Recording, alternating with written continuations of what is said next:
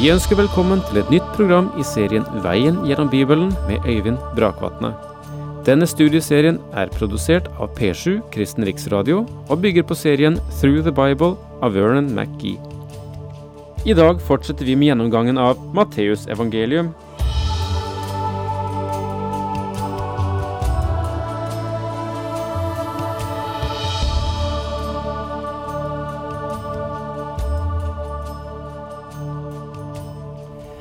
Jeg husker at jeg satt en gang på en buss og hørte to mødre tale sammen, og de talte om sine barn.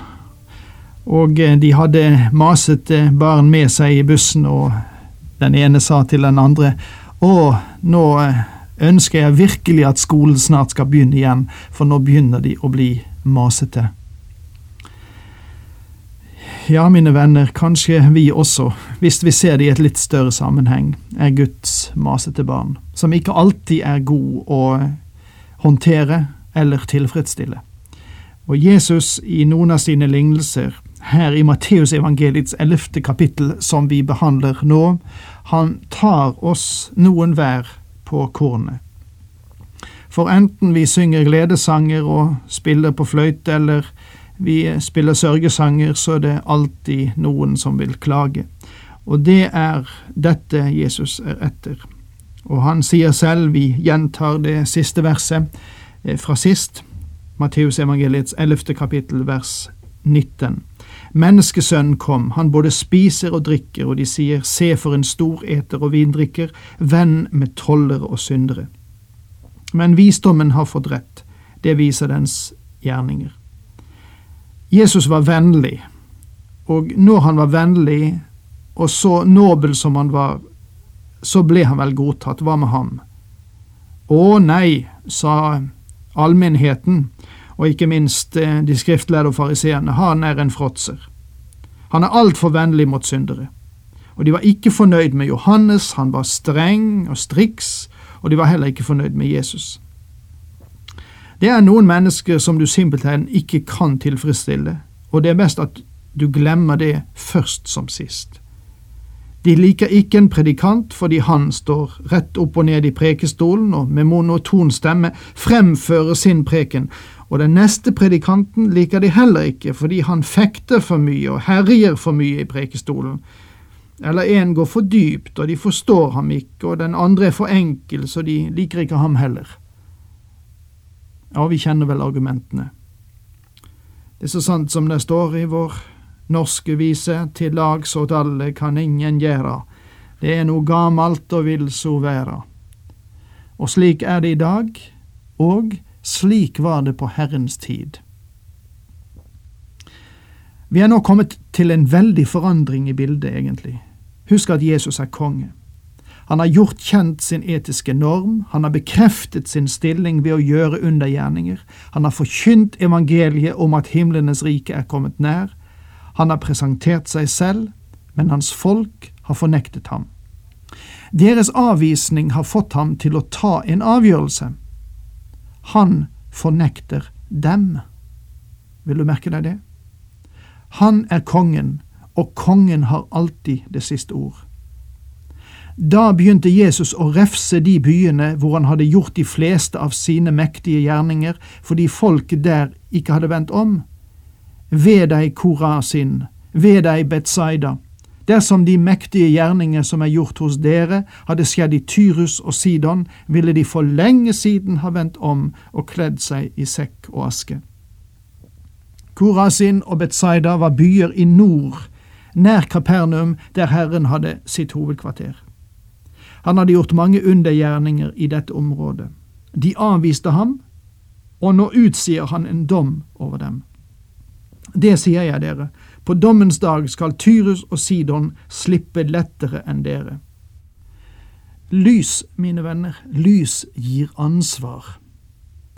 Herren hadde aldri sin tjeneste forlagt til Tyrus og Sidon, og han hadde heller aldri sitt hovedkvarter der. Men han holdt til i området omkring Korasin og Betzaida, og han holder dem ansvarlige for det lys som han ga dem. Dette verset tyder på at det vil være grader av straff så vel som grader av lønn når Gud gjør opp det siste regnskapet og dommen gjøres kjent. Også i våre dager er det mange mennesker som har hatt vidunderlige muligheter til å ta imot Kristus, men de har vendt ryggen til ham. Uten å gå i detalj, la meg få si, jeg vet ikke helt sikkert hva Gud vil gjøre med et menneske på en øy i det sydlige Stillehavet som aldri har hørt evangeliet og bøyer seg og tilber en avgud. Men jeg vet hva Gud vil gjøre med det mennesket som hører budskapet, besøker kirken, hører evangeliet, men ikke tar imot det. Nå taler Herren om Kapernaum sitt hovedkvarter. Og du, Kapernaum, du som vil opphøyes like til himmelen. Til dødsriket skal du støtes ned. Dersom de mektige gjerninger som er gjort hos deg, hadde skjedd i Sodoma, ville byen ha stått den dag i dag. Hvilket privilegium de hadde som hadde Jesu hovedkvarter i sin by, men de avviste ham. Og Herren sier at om den onde byen Sodoma hadde vært vitne til de undergjerninger som han hadde gjort i Kapernaum, så ville de ha vendt seg fra sin ondskap og ville ikke ha erfart den dom som kom over dem. Det sier jeg dere, på dommens dag skal Sodoma-landet slippe lettere enn du. Dette er det barskeste utsagn av alle. Husk at det kom fra leppene til den mest kjærlighetsfylte person som har vandret på vår jord. Merk deg det. Dette sterke språket burde få oss til å rette oss opp og lytte. En har sagt det slik, jeg ville langt heller ha vært en hottentott i en mørk jungel uten å ha hørt evangeliet, enn å hatt en bibel vært i stand til å gå i kirken, men likevel aldri i sannhet har akseptert Kristus som frelser. Selv om Sodoma og Gomorra var fryktelige byer, så vil det være lettere for dem når dommens dag kommer, enn for de byer som hørte Jesu budskap og avviste ham. På den tid tok Jesus til orde og sa, Jeg priser deg, Far, himmelens og jordens Herre, fordi du har skjult dette for kloke og forstandige, men åpenbart det for enfoldige. Ja, far, for dette var din gode vilje. Uttrykket Himmelens Herre fører tankene tilbake til første Mosebok kapittel 14 vers 19, der dette navnet blir brukt om Gud. Han er himmelens og jordens herre. Mange kloke mennesker lærer aldri denne sannheten, men mange dårer forstår den. Det sies av og til hvis du taler så barn forstår det du sier, så kan du nesten være sikker på at eldre mennesker vil forstå. Men noen ganger griper barna tak i det, men det går forbi de voksne. Alt har min far overgitt til meg, ingen kjenner Sønnen uten Faderen, heller ikke kjenner noen Faderen uten Sønnen, og den som Sønnen vil åpenbare det for. Dette er en annen måte å si sannheten fra Johannes 14 vers 6 på. Ingen kommer til Faderen uten ved meg.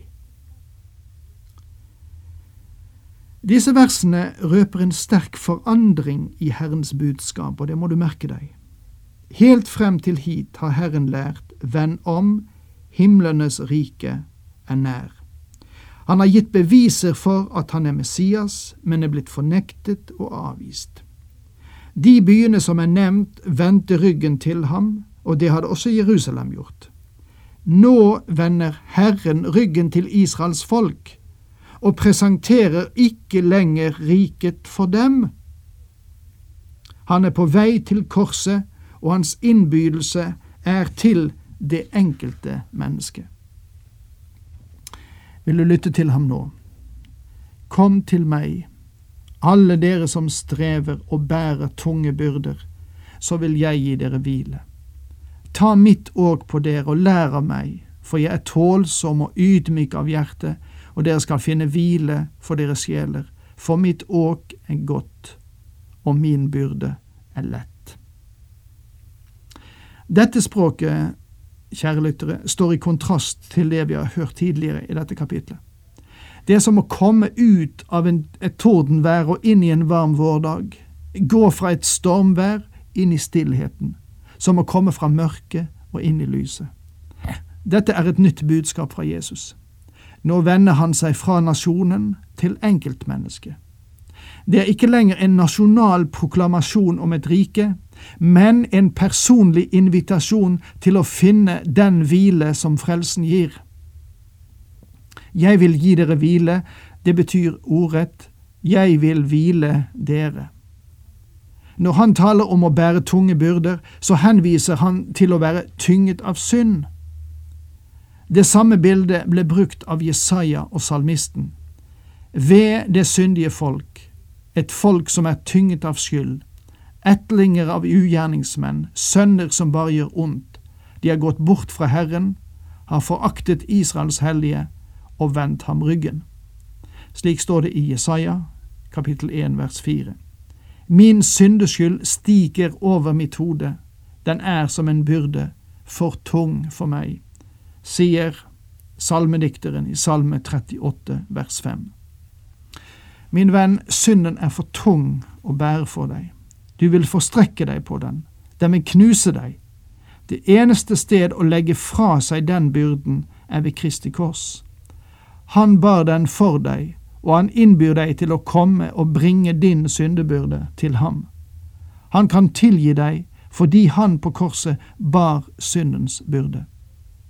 Kom til meg, alle som strever og bærer tunge byrder, så vil jeg gi dere hvile, henviser til den frelse som syndere får ved Jesus Kristus.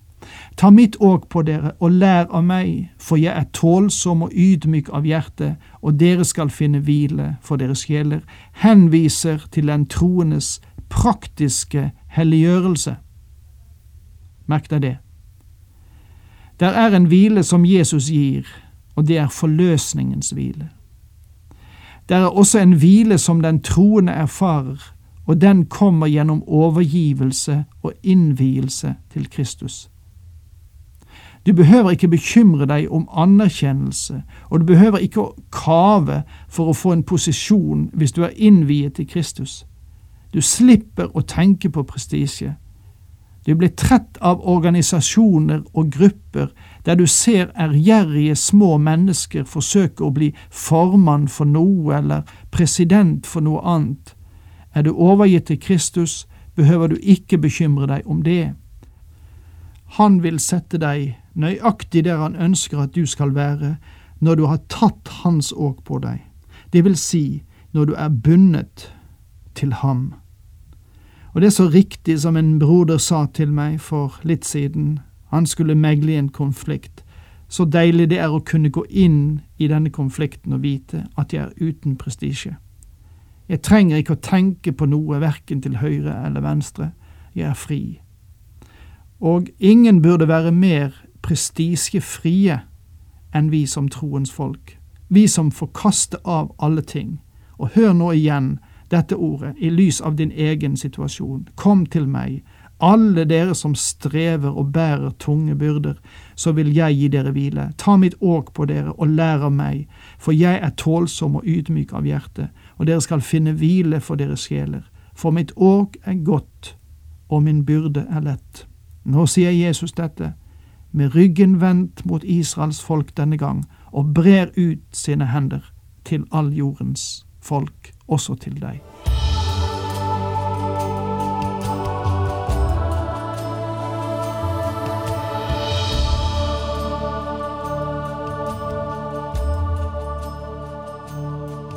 Du hørte Øyvind Brakvatne i studieserien Veien gjennom Bibelen.